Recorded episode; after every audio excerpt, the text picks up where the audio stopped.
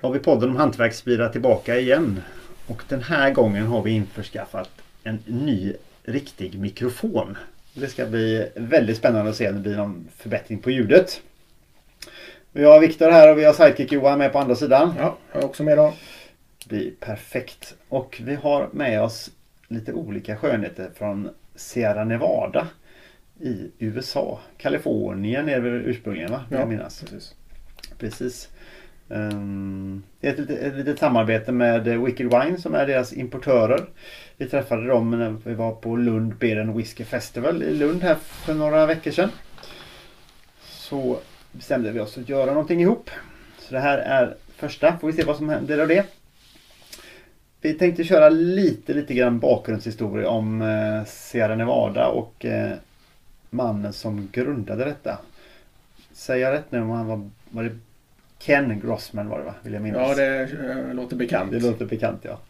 Um, det, som, det lilla som jag har forskat fram, det kan säkert vara några faktafel här men Han kom egentligen i kontakt med ölbryggning redan när han var jätteliten. Han gick i småskolan för hans eh, klasskompis farsa Han eh, tyckte om att fermentera alla möjliga typer av brygder. Allt från öl till eh, sake liksom. Mm.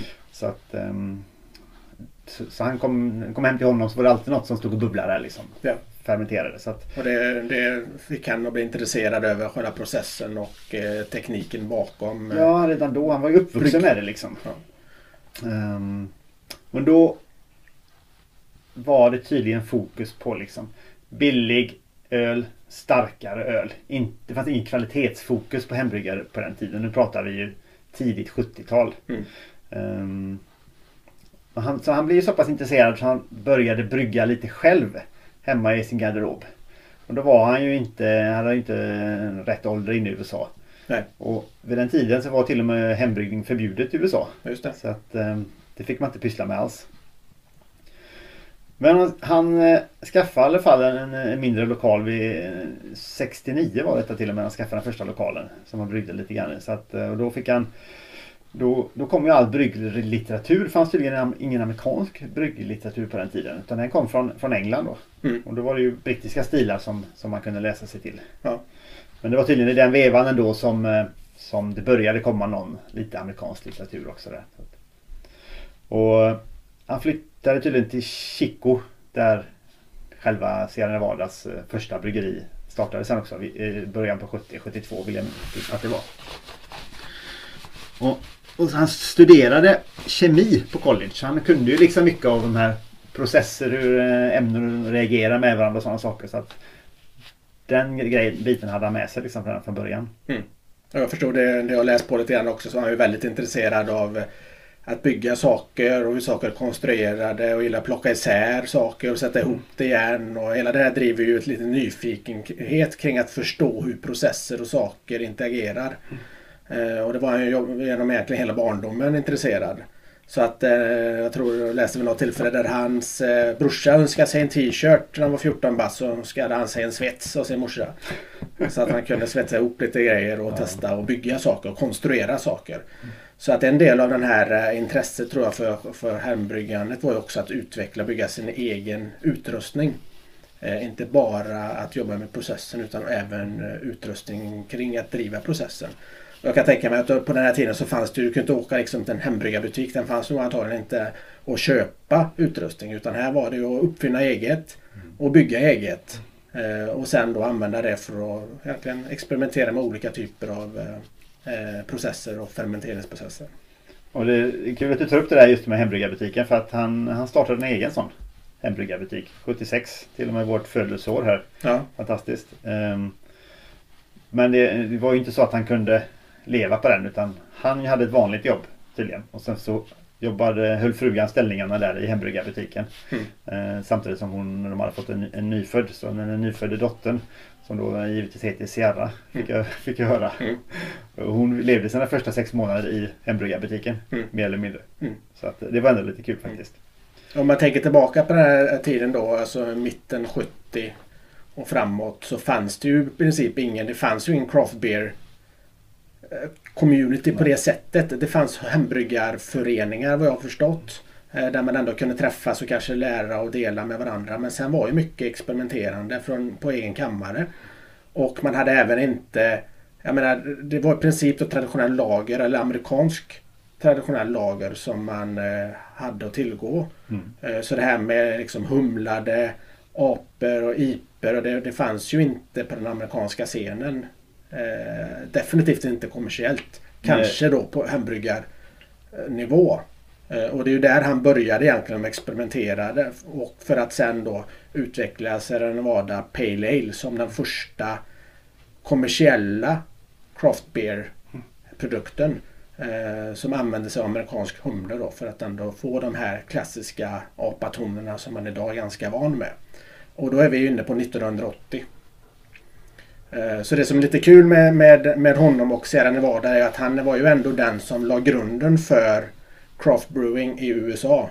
Och var väl en av de första, eller var den första stora produkten som fick genomslagskraft och fick eh, människor upptäcka eh, att det fanns något annat än eh, de här klassiska Budweiser och Millers och Coors eh, lagerölen då. Mm. Ja, det, det borde ju ha funnits. Det fanns ju inte de här amerikanska humlesorterna existerade ju inte ens tidigare heller. Nej, så Cascade tittar vi upp lite grann. Den, den, den tillkom ju under 70-talet. Mm. Eh, så att den eh, togs ju fram under eh, början av 70-talet och var ju fortfarande väldigt, väldigt ny. Och hade väl antagligen inte kunnat, den nådde ju inte ut till kommersiella bryggerier överhuvudtaget för den hade ju liksom ingen scen att spela på.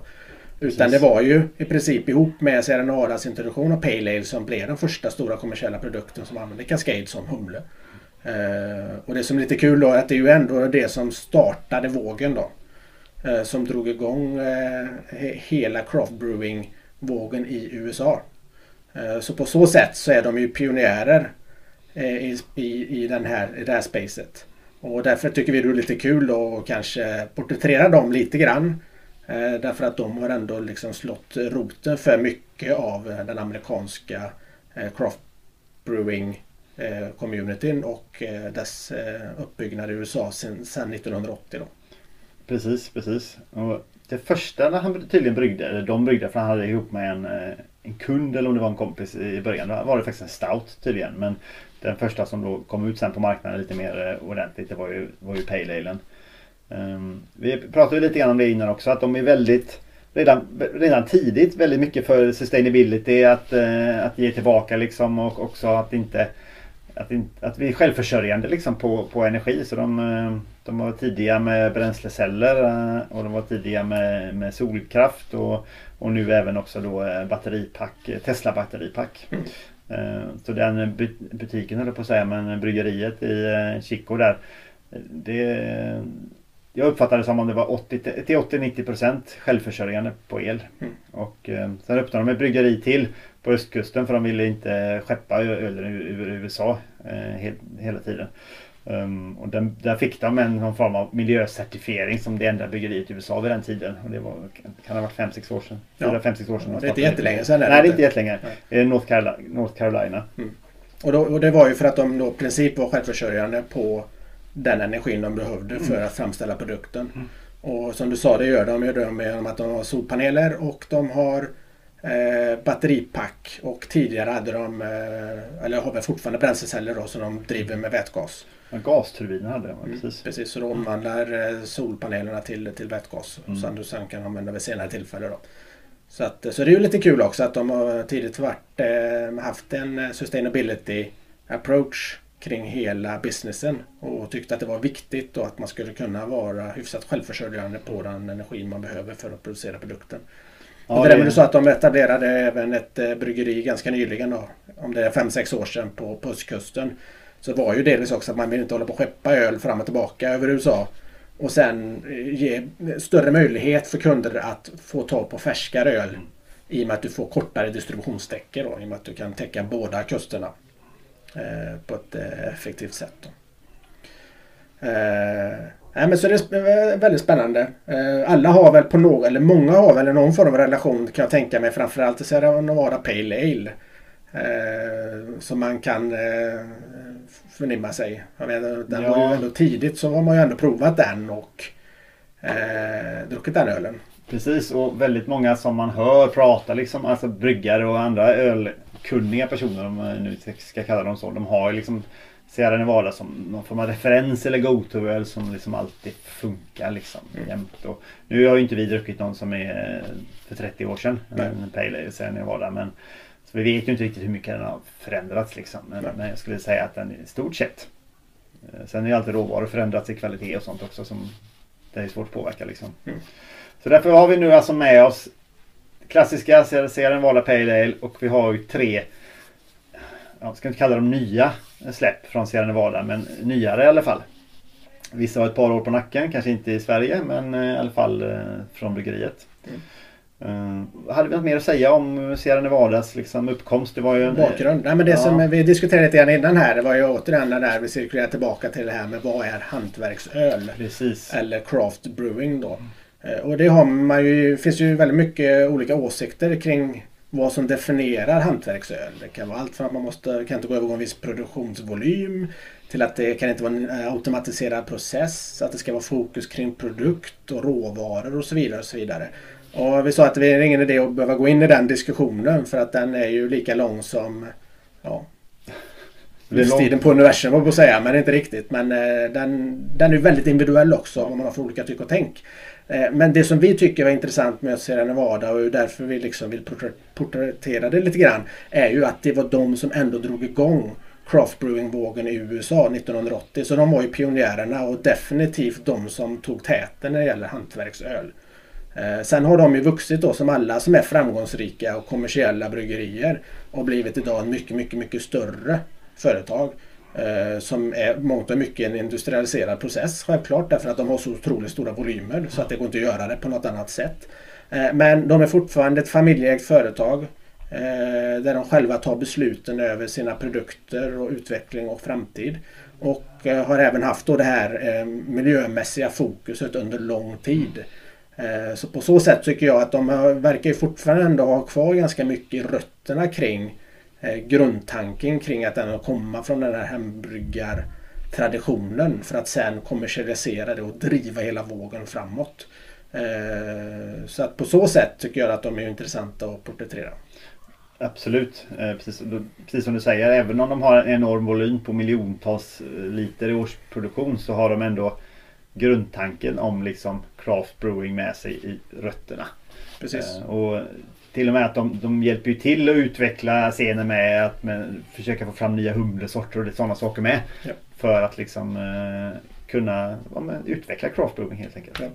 Och grundaren är ju fortfarande aktiv i företaget mm. och jobbar fortfarande i företaget. Och eh, eh, Jag tror även att de har varit ganska så kvalitetsorienterande under lång tid så att de har ju flera personer med före detta professurer från eh, olika universitet på Kalifornien involverade idag i, ah, okay. i eh, processen mm. för bland annat kvalitetsanalys då, och kvalitetsutveckling på produkten. Mm. så så sätt så håller man fortfarande starkt kvar vid att det eh, här ska inte vara bara en stor industriprodukt. Utan det här vill man ändå ha en produkt som fortfarande bibehåller produkten och kvaliteten i fokus. Eh, och sen försöka liksom utveckla den och skala upp det så mycket det går med utan att tappa eh, grundfilosofin och grundtanken. Då. Men det är ändå intressant liksom då. Okay, vi kan skicka ölen till hela världen. Men du vill helst inte skicka den över till USA för du vill ha ett bryggeri lokalt för du, du vill kunna ha något så färsk öl som möjligt. Inte bara därför givetvis men, men som en stor del. Så att vi får ju en öl som inte är purfärsk här. Precis. Vi kan kika sen lite grann på, på buteljerna här och ja. se vad det står för datum på dem. Ja. Det skulle vara intressant att testa den liksom riktigt färsk. Å andra sidan så går den ju över till Europa i kylcontainer. Mm. Så jag menar, den har optimala förhållanden. Mm. Inget ljus och rätt temperatur. Mm. Så är det ju såklart. Det är snarare när den kommer ut på hyllorna på bolaget som den eh, fördärvas. Ja. Men eh, och det, och det måste också, eh, alltså att de valde då att etablera ett bryggeri på, på östkusten för att korta ledtiderna egentligen mot slutkonsument måste betyda att majoriteten av ölen säljs i USA. Och att den största marknaden de har är i USA. Nu visar jag lite grann men man tänker på vad de, hur de väljer att pitcha och promota det. Ja, men hade de haft eh, stor marknad utanför USA så hade det inte varit så kanske spelat så stor roll att lägga en produktionsenhet på östkusten.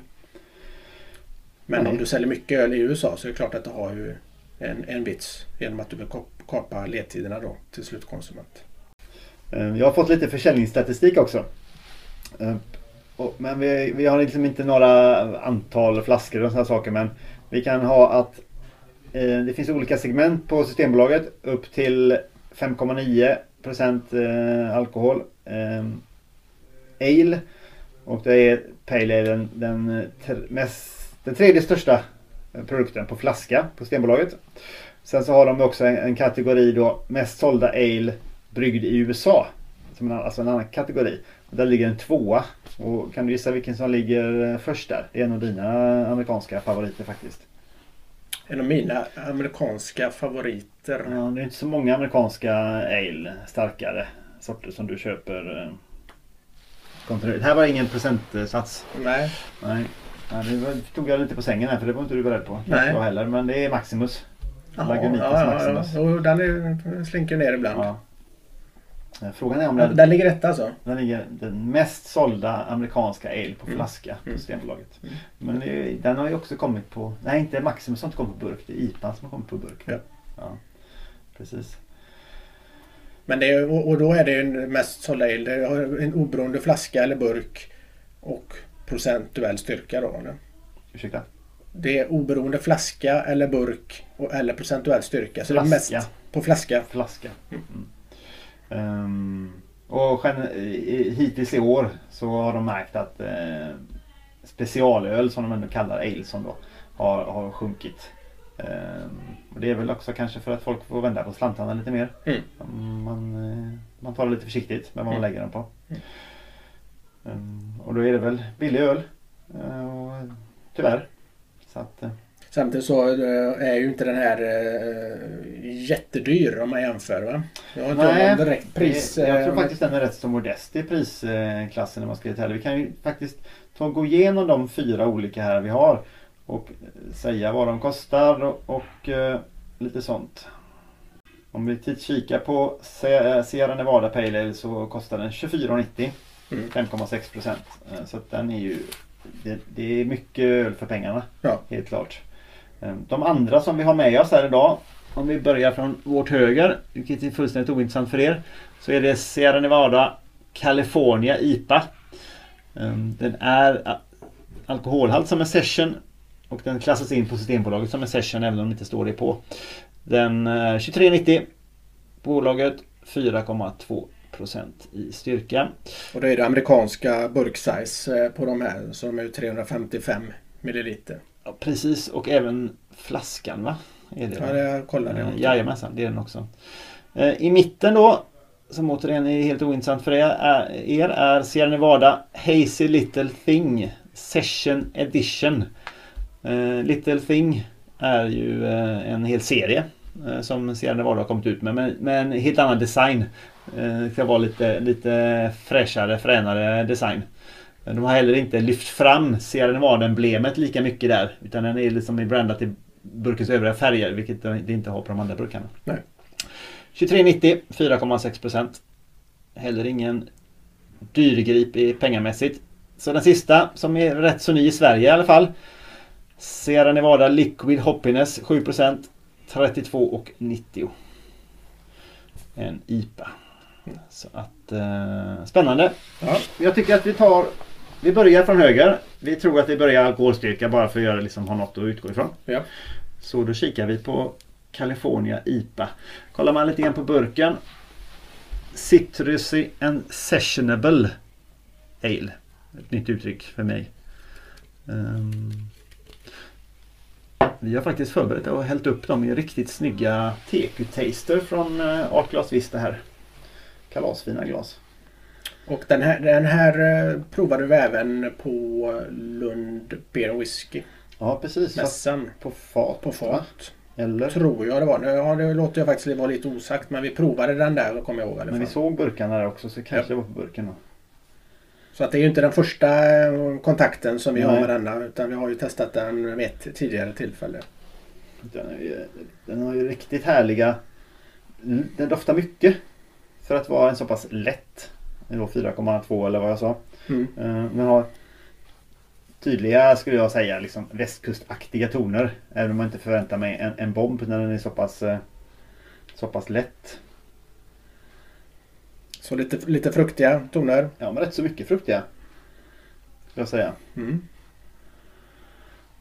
Det här piney eller talliga. Talliga. Tycker det kommer fram rätt, när du riktigt trycker ner snoken här i. Tycker det faktiskt kommer fram rätt mycket. Ja, vi smakar på den också så ser vi vad den eh, har att erbjuda. Man känner ju tydligt att den är procenten har gått ner. Ja. Väldigt tydligt. Du har ju eh, precis, den är lite lättare i munkänslan. Otroligt mycket lättare skulle jag säga. Lite vattnigare Ja, karaktären. men faktiskt. Men fortfarande en del beska i smaken tycker Det finns en jag. del beska men det, den är också rätt som Den dör inte ut liksom i munnen utan den finns kvar en smak även om den inte är så bl- storblommig liksom på något Nej. sätt. Nej. Känner man lite, lite citruskaraktär på den. Även kanske lite, lite, lite syrlighet. Ja, lite. Ja men det här citrusbeskan alltså tusen du brukar prata om skalet kanske. Mm, mm. Lite det hållet. Fick du med dig även eh, talltonerna i smaken? Jag tycker inte jag Nej. uppfattar dem riktigt. Nej, jag skulle säga att det är mer eh, citrustonerna som tar över. Så är man liksom Är man lite rädd för det här med beskan i öl Så är den här rätt så schysst. Mm. Session IPA Mm. och, och dricka. Jag menar det är ju Det är ju samma procenthalt som en eh, Hoff. Ja. Och, Ja, eh, herregud. Och då, då har ju den här Den har en helt annan... Det Eh, är ju en annan typ av öl givetvis också. Ja, en helt annan sm- smakprofil och en helt annan Den har smakexplosion om du jämför. Men sen är det klart att du tänker dig kanske en... Vi får se senare när vi kommer upp på den här juicy-bomben där men Mm. det är klart att den har ju inte samma eh, fruktkaraktär. Den har inte samma mycket inslag av... Även om du har lite citruskaraktär i den så har den ju inte samma volym som du kan tänka dig. Den har inte samma kropp. Nej. Eh, Utan den är mycket, mycket lättare i, i sin stil. Vilket då också är antagligen eh, tanken med den. Syftet med det. För att den, har, den är ju ganska lättdrucken. Så att den har ju hög drinkabilitet. Vilket betyder att man tänker kanske när det ja, som, inte törstsläckare som sådan, men du tänker att du är vill dricka lite öl för att du är törstig så är det här ju en trevlig öl. Som också kommer med en del smak då. Ja, precis, så du kan ta ett par stycken utan att känna att det börjar snurra i mössan liksom. Ja. Och det kan ju vara lite trevligt ibland också. Du vill inte alltid ha de där som smakar hur mycket som helst. Det är 8-10% för du kan bara dricka en, två stycken. Sen det- får du dricka vatten. Ja, och det är ju det som är hela grejen lite grann med, med session-ölen också. De alkoholsvaga är att du kan gå ut till puben med lite kompisar kanske så kan du dricka det under en kväll utan att det ställer till för mycket problem. ja, precis. Um, Ja, men den var väl trevlig. den var absolut trevlig. Jag kan absolut tänka mig Alltså många, vi- man testar mycket öl. Vi testar eh, mycket öl. Eh, och vissa tycker man, okej, det var väl trevligt, gott att dricka. Men så går man vidare. Men det här är ändå en som man skulle tänka sig, kanske inte nu på vinterhalvåret köpa den. Nej. Men jag, däremot på våren, sommaren. Ta med sig några sådana burkar. Eh, Så pass trevlig var den faktiskt. Mm. Och som du säger, den var ju heller inte överprisad på något sätt. Nej. Verkligen inte. Så att, eh. Sen har vi ju nästa i tur då. Sierra Nevada Hazy Little Thing Session IPA. Och vi har inte riktigt lyckats få klarhet i om den här just den här varianten av eh, Little Thing finns i, eh, i USA. För att, När man går in på Sierra Nevadas eh, hemsida så profilerar de ett antal av, eller de flesta ölen där gissar jag. mm, Eh, och där har de ju storebron till den här eh, Hazy Ja. Little Things eh, IPA. Som är en Imperial IPA. Ja, Eh, och, och den, den- är väl på typ 9%. den kallar de Big Little Thing istället då. Så att, eh, men, men de har inte med denna på sin sida. Nej, precis. Så att jag vet inte om det är så att den har funnits eller om det är en produkt som kanske går mer mot eh, lokala marknader. Kanske. Kanske inte, inte säljs lika mycket i USA. För de har en som är benämnd Hazy Little Thing. Fast IPA också. Men den är på 6,7. Mm. Så att det är inte heller samma. Så att den här Den provade vi inte i, i Lund eller? Nej, det? det Nej. tror jag tror inte. Däremot så kanske vi provade den uh, Imperial varianten. Ja. Kommer inte ihåg. Den här är ju också mycket mer disig än vad California IPA är. Ja, den Eh, California IPA var ju klar. Nästan, nästan klar i alla fall. Mm. Ja. Och den här är, den är också mycket ljusare i färgen. Ja, Den är så lite mer ljus, gulaktig. ljusgul Ja, och... Eh, mer disig. ja, och eh, titeln på burken skvallrar ju då om hazy och det får vi Ja, väl hålla med om det att med om. det är det ju. Ja. Däremot så skulle jag säga att eh, är den verkligen torrhumlad? Det står ju inte att den är men eh, det var väldigt lite arom om ni jämför med eh, California. Telefonen. 4,6% var denna. Lite, lite, lite starkare. Ja precis, vi luktar på den nu då så Mm. eh, släpper den inte jättemycket eh, Nej. toner. Gör den Det inte. gör den verkligen inte. Så att, eh, vi får nästan smaka. För Den det. håller det för sig självt. Den kanske bjuder in att man måste smaka Ja, den för den precis. inte luktar så mycket.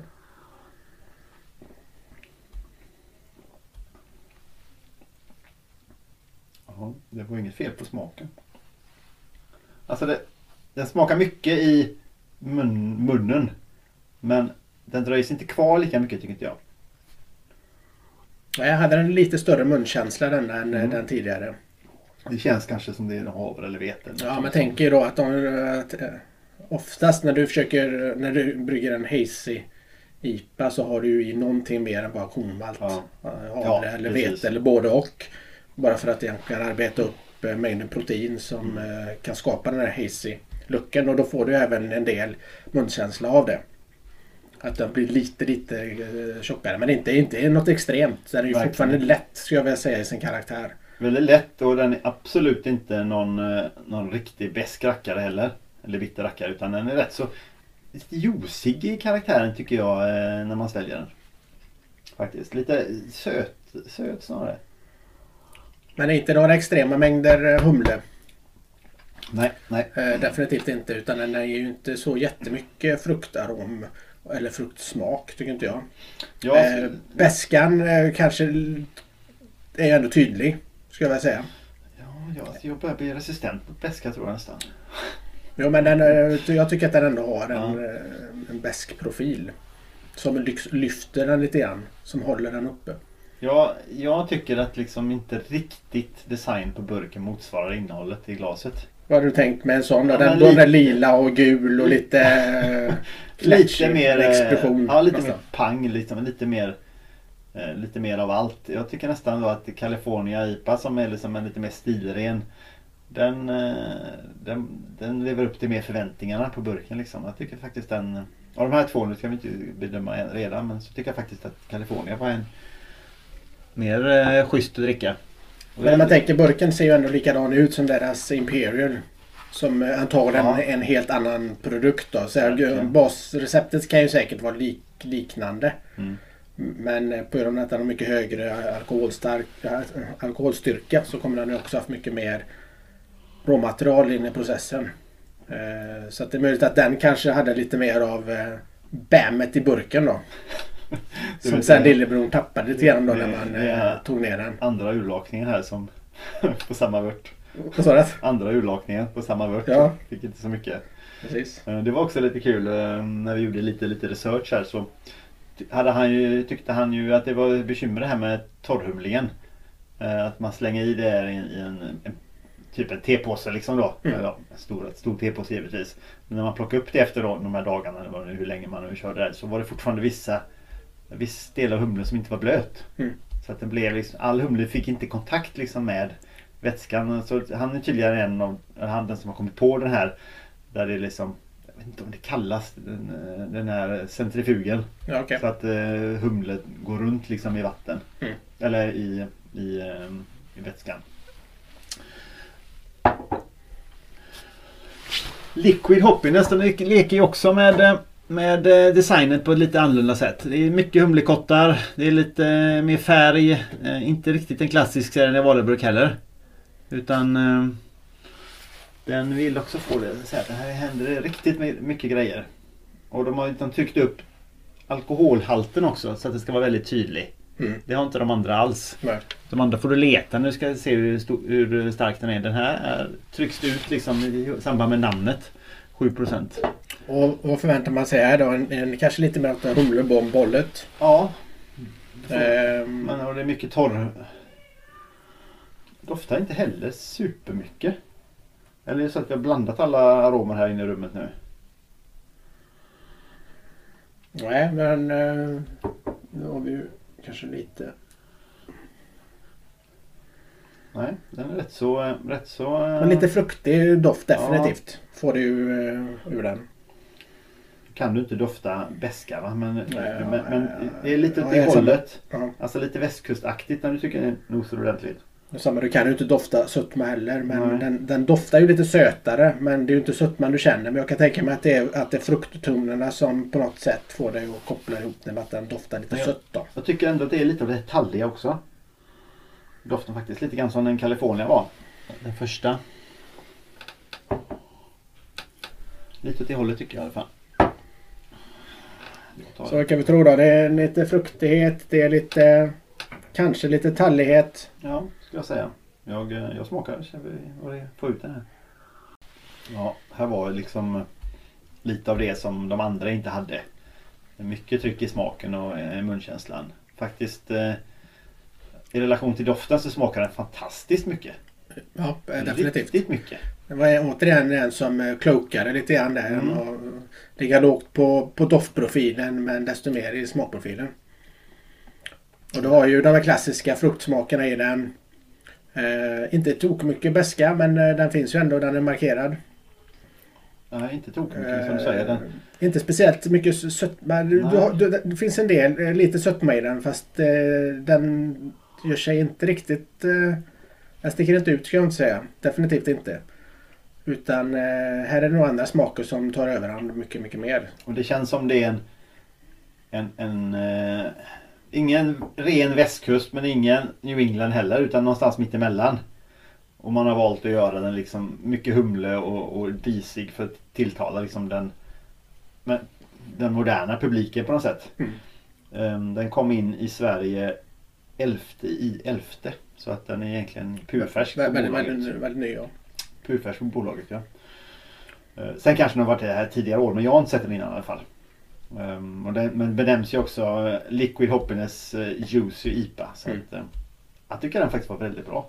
Men det har ju lite, lite precis de här kanske ananas-karaktären. Mm. Alltså inte den här eh, bitter citrus utan kanske lite mer söt citrus. Lite mer sötma ja. Men, men men- ändå inte New England sötma. Nej, och sen, men sen har du ändå kvar en besk profil på den så du får ju även lite lite känsla av eh, alltså typ skal, citrusskal som ger den här lite beskare, bittrare touchen. Den det är också. är schysst att den har rätt så mycket olika smak på sin smakpalett på något sätt. Mm. Mm. Jag, kan, jag, vet inte om, om, jag vet inte om en sån burkdesign verkligen lockar rätt personer. Jag tänker att det är en blandning mellan en modern och klassisk smak. Men, men burken är ju väldigt modern. Ja, Ehm, Som sagt var vi blev både förvånade av, av doften och kanske av intrycket på burken när vi väl smakade på det sen. ja. Ja, jag tycker ja, den var bra. Riktigt bra. Jag känner en liten eh, smak där mitt emellan eh, så säga, första nosen och, och tailen. Emellan delen där som eh, jag har svårt att beskriva den men du känner den ibland i Mm. sån här juicy juicy ipor. Det är inte- det är inte det här talliga du tänker Nej på. jag tycker inte riktigt det utan det är, det är någon form av kanske fruktkaraktär. Jag vet inte om det kanske kan vara kan det vara någon mango-touch? Ja, kanske. Men menar du liksom väldigt övermogen eller menar du lite gröna? Alltså sånt som inte riktigt har blivit mogen ännu? Jag nog säga att den har varit lite mer mogen. Mm. Så lite, kanske lite dov. Dovare smakprofil.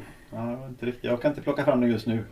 Nej men jag, man känner den ibland tycker jag. Den, den brukar hamna där emellan någonstans. Inte Ja. det första och inte det sista utan någonstans mitt emellan. Och den, ibland är den mer framträdande och ibland ganska anonym. Den här är den lite mitt emellan. Den är lite svår att profilera samtidigt som den är där. Det är ju där du ibland du bara känner vad är detta liksom. Mm. Ja, det är helt omöjligt. Det är någonting där. Men du kan inte definiera och det är skitsvårt att sätta fingret på vad det är. Eh, ofta så kan du i och med att du, om du smakar på den så kan du liksom, det är svårt att liksom återuppleva den om och om, om, om igen. Som till exempel lukt kan du ju liksom luktdofta flera gånger så kan du kanske mm. homma in på vad det kan vara. Men den är, det, det är definitivt någonting där som jag inte kan sätta fingret på vad det är. Ja, men det är spännande för att Mm. eh, det är det som är så kul. Ja, precis. Precis. Det är som man alltid kan lära sig Ja. någonting av, av det mesta oavsett vad egentligen. Så det skapar ju alltid nya spår i hjärnan.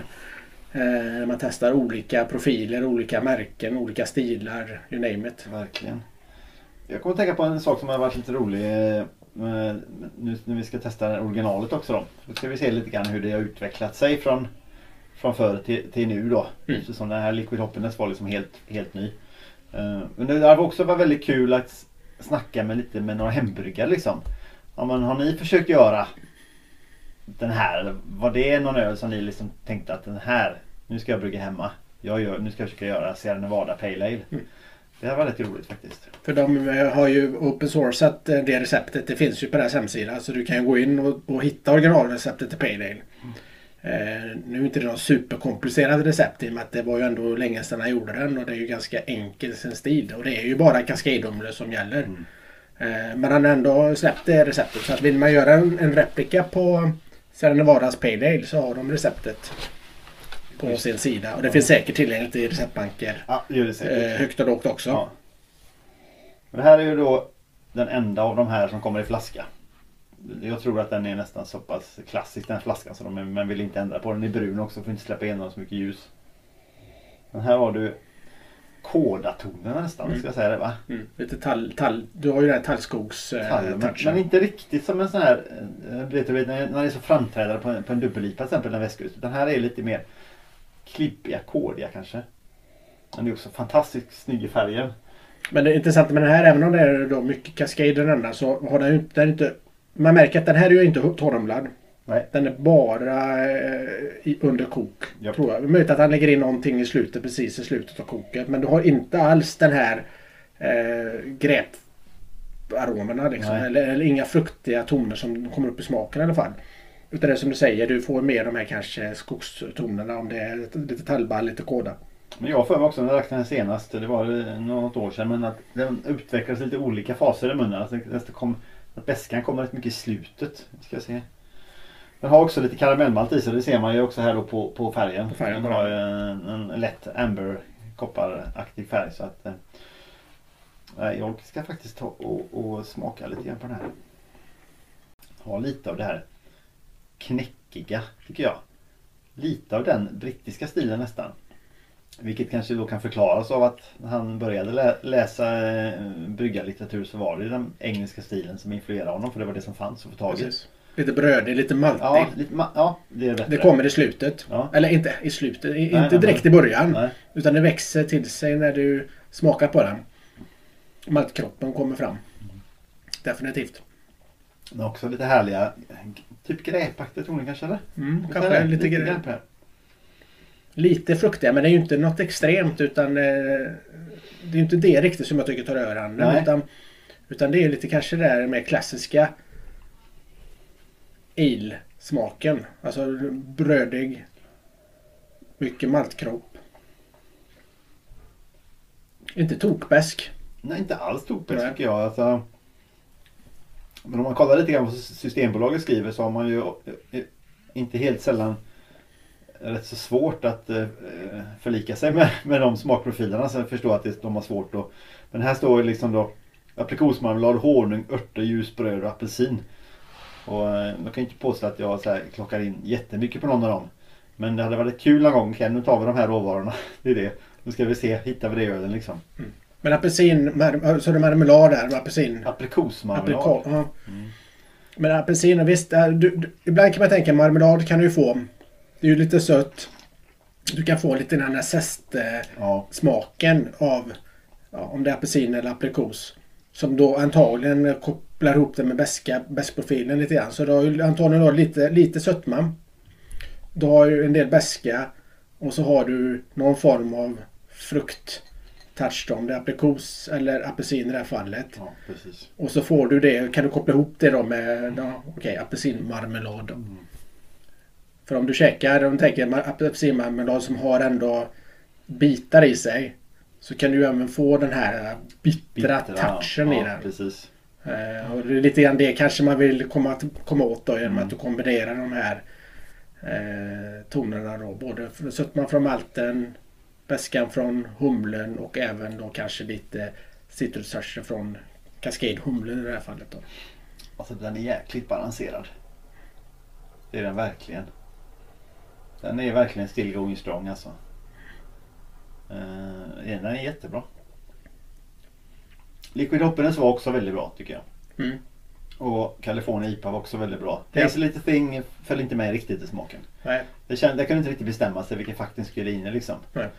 Uh, det kanske inte behöver heller men jag har för mig att jag läste att den här Hazy Little Thing, alltså Hazy, Little Thing-serien Ja. hade seglat upp och den växer med tvåsiffriga tal varje år Mm. sedan den kom in 2018. Ja. Så att eh, den går tydligen väldigt, väldigt, väldigt bra. Och om det har med designen att göra, locka ny publik kanske. Vet man inte. Om man tittar på den då, om vi inte har upp i det där nu. Om man tittar på vad de har mer i den serien. Jag vet att de har ju den här motsvarande storebror till den vi prov, provade här då. En, en Mm. lila och gul burk som heter som är en Imperial, Imperial eh, IPA.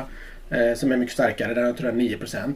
Precis. Men sen hade de inte någon som var lite syrligare där också? Jo, de hade ju en, eh, en eh, slightly sour ale. Alltså en lätt sy syrla, syrad ale eller på att säga. Den heter Wild. Eh, röd egentligen. Eh, det vet jag inte, har man då inte du kan se bilden på den där att den är väldigt väldigt klarröd. Åh jösses, Den ja, ser- den väldigt, ser- väldigt, väldigt, väldigt röd ja. Ja, Den måste ju på något sätt vara... Kan du få en sån röd klarröd? Det ser nästan ut som sån hallonsaft. ja faktiskt. Mm. faktiskt. Eh, Men det är frågan om då, ja, slightly sour. Eller har du inte bestämt dig riktigt vad du vill heller kanske? Nej. Eller? Är det, är det så beror det på vilken målgrupp vill du attrahera? Ja, precis. Alltså att det finns ju människor som, ändå, som uppskattar då kanske syrligare eller vinösare toner. Men då kanske du kan... Men, men inte för mycket. Nej. Ja, då gör du en eh, lite grann då. För att egentligen attrahera en bredare publik. Ja men visst är det så. Visst är det så. Sen har de ju den, den sista här då. Sunny Little Thing. Alltså en citrusvete ale. Alltså en, vet, en Mm. veteöl med citrustoner liksom. Mm. Och det är väl också för att fånga en annan typ av publik.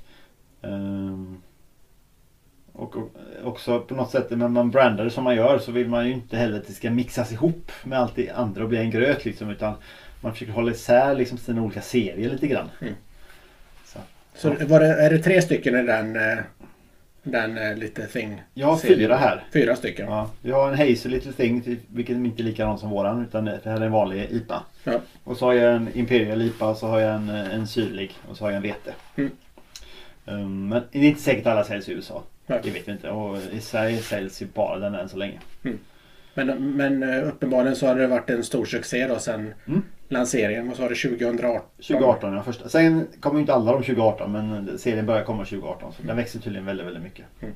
Och det är också lite fascinerande. Då kom 2018. Bryggeriet bör- började eh, 80.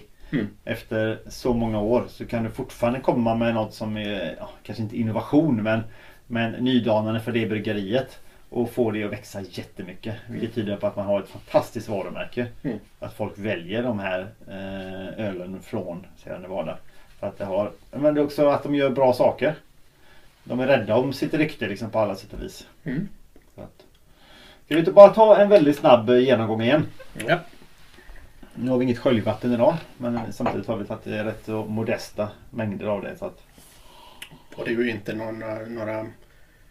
Alla är inte smakexplosioner nej, riktigt. nej. Men, Men, eh, vi får fortfarande den här, det måste vara bra torrhumlad den här California IPA. mm, precis, den släpper fortfarande mycket Ja. aromer när du luktar på den. Härligt Eh, fruktigt.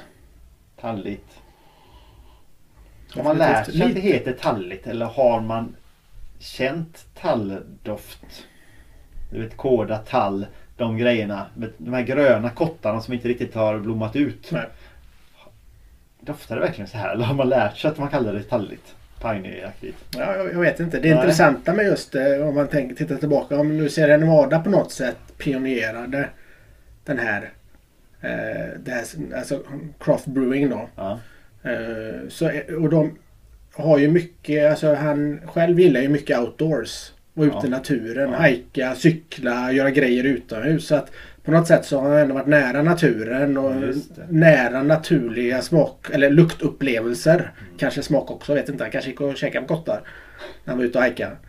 Eh, och då tänker man ju att på något sätt när du ändå grundar en, en stil framåt så har du också möjligheten kanske på något sätt påverka hur man beskriver stilen. Faktiskt. Och har du då en nära koppling till naturen eh, och att du gillar att vara ute i naturen så blir det lätt kanske att plocka in naturliga toner i smakupplevelserna. Högt spekulativt Ja, ja. men eh, ändå kanske. Och då kan du hamna där liksom att det smakar, luktar skog eller tall eller vad det nu är man brukar vara i. Som, och då blir det ju en benämning. Det räcker ju att den, precis som du säger, bryggaren benämner det så. När han talar om. Så här har jag tänkt med den här ölen. Precis. Och Det här får jag associationer till Ja. detta och detta och detta. Och det bygger ju på vad man har upplevt tidigare. Och har man en koppling till naturen själv så blir det ju lätt att man tar in de här naturliga, i och med att det är naturprodukter. Och försöker beskriva det med de förnimmelserna som man själv har från sina egna erfarenheter. Då. Lite grann som vi brukar fråga olika bryggare. Vad försöker du framkalla för känsla med de produkterna som du säljer och, hur du benämner dem och paketerar dem. För allt det hänger ihop någonstans. Mm. Ja, grymt. Eh, Den höll sig fortfarande bra. Den är fortfarande lite lätt i smaken men det är klart den är 4,2 procent. Men jag tycker inte den har tappat. Den har ändå druckit sånt som smakar mer och smakar lite annorlunda. Den har inte, har inte tappat. Nej, precis som du säger, den är gentle i, i touchen. Ja. Men håller fortfarande... Den har ju en bäskprofil så att den håller fortfarande spänningen kvar. Den, band, den försvinner ju inte bara. Nej. eh, ur munnen. Utan även om den är lite vattnig i karaktären så håller den ju fortfarande smak, smaken. Är, finns det en klass i Sverige som heter mellanöl? Fortfarande. Jag tror inte det. För att i så fall är den här... Man säger mellanöl så säger, tänker folk alla på. Eller jag vet inte hur de benämner klassificeringarna för du har ju ändå ett, ett skattesegment är väl upp till 5, någonting va? 2 eller 3 eller vad kan det vara? Eh, Det fanns bara fram till 77 i Sverige. Står det här. Så det är bara skatteklass. Cirka 4,5 procent. ja, okej. Yes, Hazy Little Thing. Session. Fortfarande lika o... Uh, Ja, den luktar inte mycket. existerande doft nästan. Nej. Men det kan väl låta smaken tala. Den ser lite annorlunda ut. Fast Lite, do, lite, är det lite dovare? Om man tänker att den första här kanske var lite mer ehm, citrus i doften. Den här, är inte den lite dovare? Man Fast tänker kanske den, Ja, ja, en, det. en dovare tropisk frukt. Men kanske mango, papaya. Jag tycker fortfarande den har rätt så mycket citrus i, i... Ja, den har lite citrus men inte lika pikant då som den andra är. Så lite spritsiga citrusen har den inte kanske. Ja, nu är vi fan inne på gråzoner, både gråzoner och djupt vatten känns det som. Den var inte sämre nu. Nej, Den höll sig faktiskt rätt bra med. Mm. Ibland när man testat igenom olika så försvinner liksom smakerna från vissa öl andra vändan du tar dem. Men här tycker jag att jag känner den lika mycket som första gången. jag tycker personligen tycker att den... Ja, det är som vi var inne på tidigare. Den, den kan inte riktigt välja vart den vill ta vägen. Nej. Den blir ganska anonym. Både i doft och smak. Alltså inte dålig på något sätt.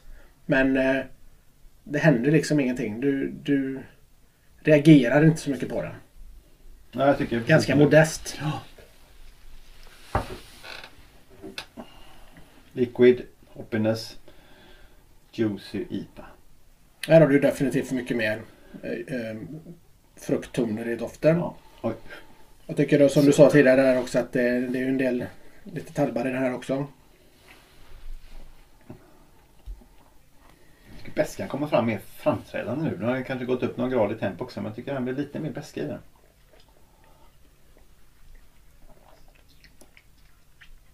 Ja, jämfört med de två andra så har Mm. den ju Mycket, mycket, mycket mer. lite mer kropp, lite mer beska Lite mer frukt karaktär. Alltså jag är, Lite, lite söt, lite sött, söt. Inte mycket, men lite sötare. jag är faktiskt lite för, jag är jag är överraskad. Jag tycker den var bättre än vad jag liksom trodde. Jag vet inte vad jag trodde men på något sätt så överraskade det mig. Kanske mot namnet eller mot burken men ja, bra. Och alla håller liksom hittills då stilen kompakt på något sätt. Alltså det, samma linje. Ingen försvinner. Nu har vi för- förvisso från samma bryggeri men eh, men ändå. Mm. Vi testar bara eh, Sierra Nevada Pale Ale en sista gång. Sen ska vi nog eh, avbryta här för annars får folk tröttnar de på oss. Börjar till och med familjen fråga när man är färdig här. Och du säger det är ju fortfarande den här klassiska Ja. knäckiga tonerna kommer fram. Ja, kommer lite i, I- i alltså, doften också. Citrusaktig knäckig ton. Mm. Det, det smakar inte som en knäckig brittisk, genombrittisk ale liksom. Men den har lite av det knäckiga i sig. Men det kanske är också det som gör den att den är, tilltalar många. Att den liksom har flera influenser på något sätt. Den är ju ganska enkel i sin smak. och Den är, den är ju balanserad. Ja. Kan, man kan ju förstå att den ändå på något sätt eh, banade vägen för mycket. Om man, om man jämför var man kommer ifrån. Vill säga att, alltså ställer du den här idag mot många andra tunga pale ales eller Ja. apor. Är det såklart att det finns ju många som har väldigt, väldigt mycket smak. Såklart. Men när man tänker var du kommer ifrån innan det inte fanns någonting. Nej. Eller det du hade var kanske klassisk amerikansk lager att jämföra med. Jag menar då var ju den här i pariteten smakexplosion. Ja. Med saker du kanske aldrig tidigare hade upplevt. Och om man tänker att Cascade var ganska ny som humle på den tiden och kanske inte hade kommersialiserats eller använts på det sättet i kommersiell öl. Så var det också nya smakupplevelser. Lite grann det som många som är intresserade av craft brewing upptäcker vid något tillfälle att Wow, kan öl smaka så här? Mm. Jag trodde ju det bara var det här som jag tidigare upplevt. Precis. Och den uppenbarelsen måste ju varit ganska tydlig med den här ölen. För den eh, hade ju liksom ingenting riktigt att mäta sig med. I alla fall inte när den skulle nå ut till en bredare majoritet av, av be- befolkningen. Nej, det känns ändå, ändå så kändes det som ett rätt så stort steg. Från amerikansk makrolager till den här. Det är ju inte så lite, att du tar ett litet steg åt sidan bara. Utan rätt så gedigen eh, smakförändring. Mm. Verkligen. Ja, men Ja. det var ju spännande det här. Jävligt spännande. Vi tackar eh, Wicked Wines. Wicked Wines var det va? För eh, möjligheten att göra det här lilla testet. Absolut. Och eh, också en intressant resa genom eh, Sierra Nevadas historia. Craft beer historien kan man nästan säga till och med. Precis. Vi har lärt oss lite nytt idag också. Att, eh, att de är väldigt eh, sustainable med sitt miljötänk. Ja. Eh, och det, det är kul. Ja, och att de på något sätt var pionjärerna som skapade möjligheten för eh, craft brewing i framförallt USA. Precis. Men även indirekt i resten av världen också därför att USA har ju ändå varit ganska framtonande i den vågen. De har gått steget före liksom hela Lite- lite tiden grann. på något sätt. Sen har de ju åt, anammat gamla traditionella stilar självklart och, och lyft över dem till USA och gjort en amerikansk tappning. Men det är ändå de som har fått bollen i rullen lite grann. Mm. Eh, Och Sierra Va- Sierra Nevada var då ett av de första bryggerierna som satte Ja. den bollen i rullning. Verkligen, verkligen. Ja, fan vad kul. Ja, Eh, ha det så gott. Tack ska ni ha. tack. Hej. Hej.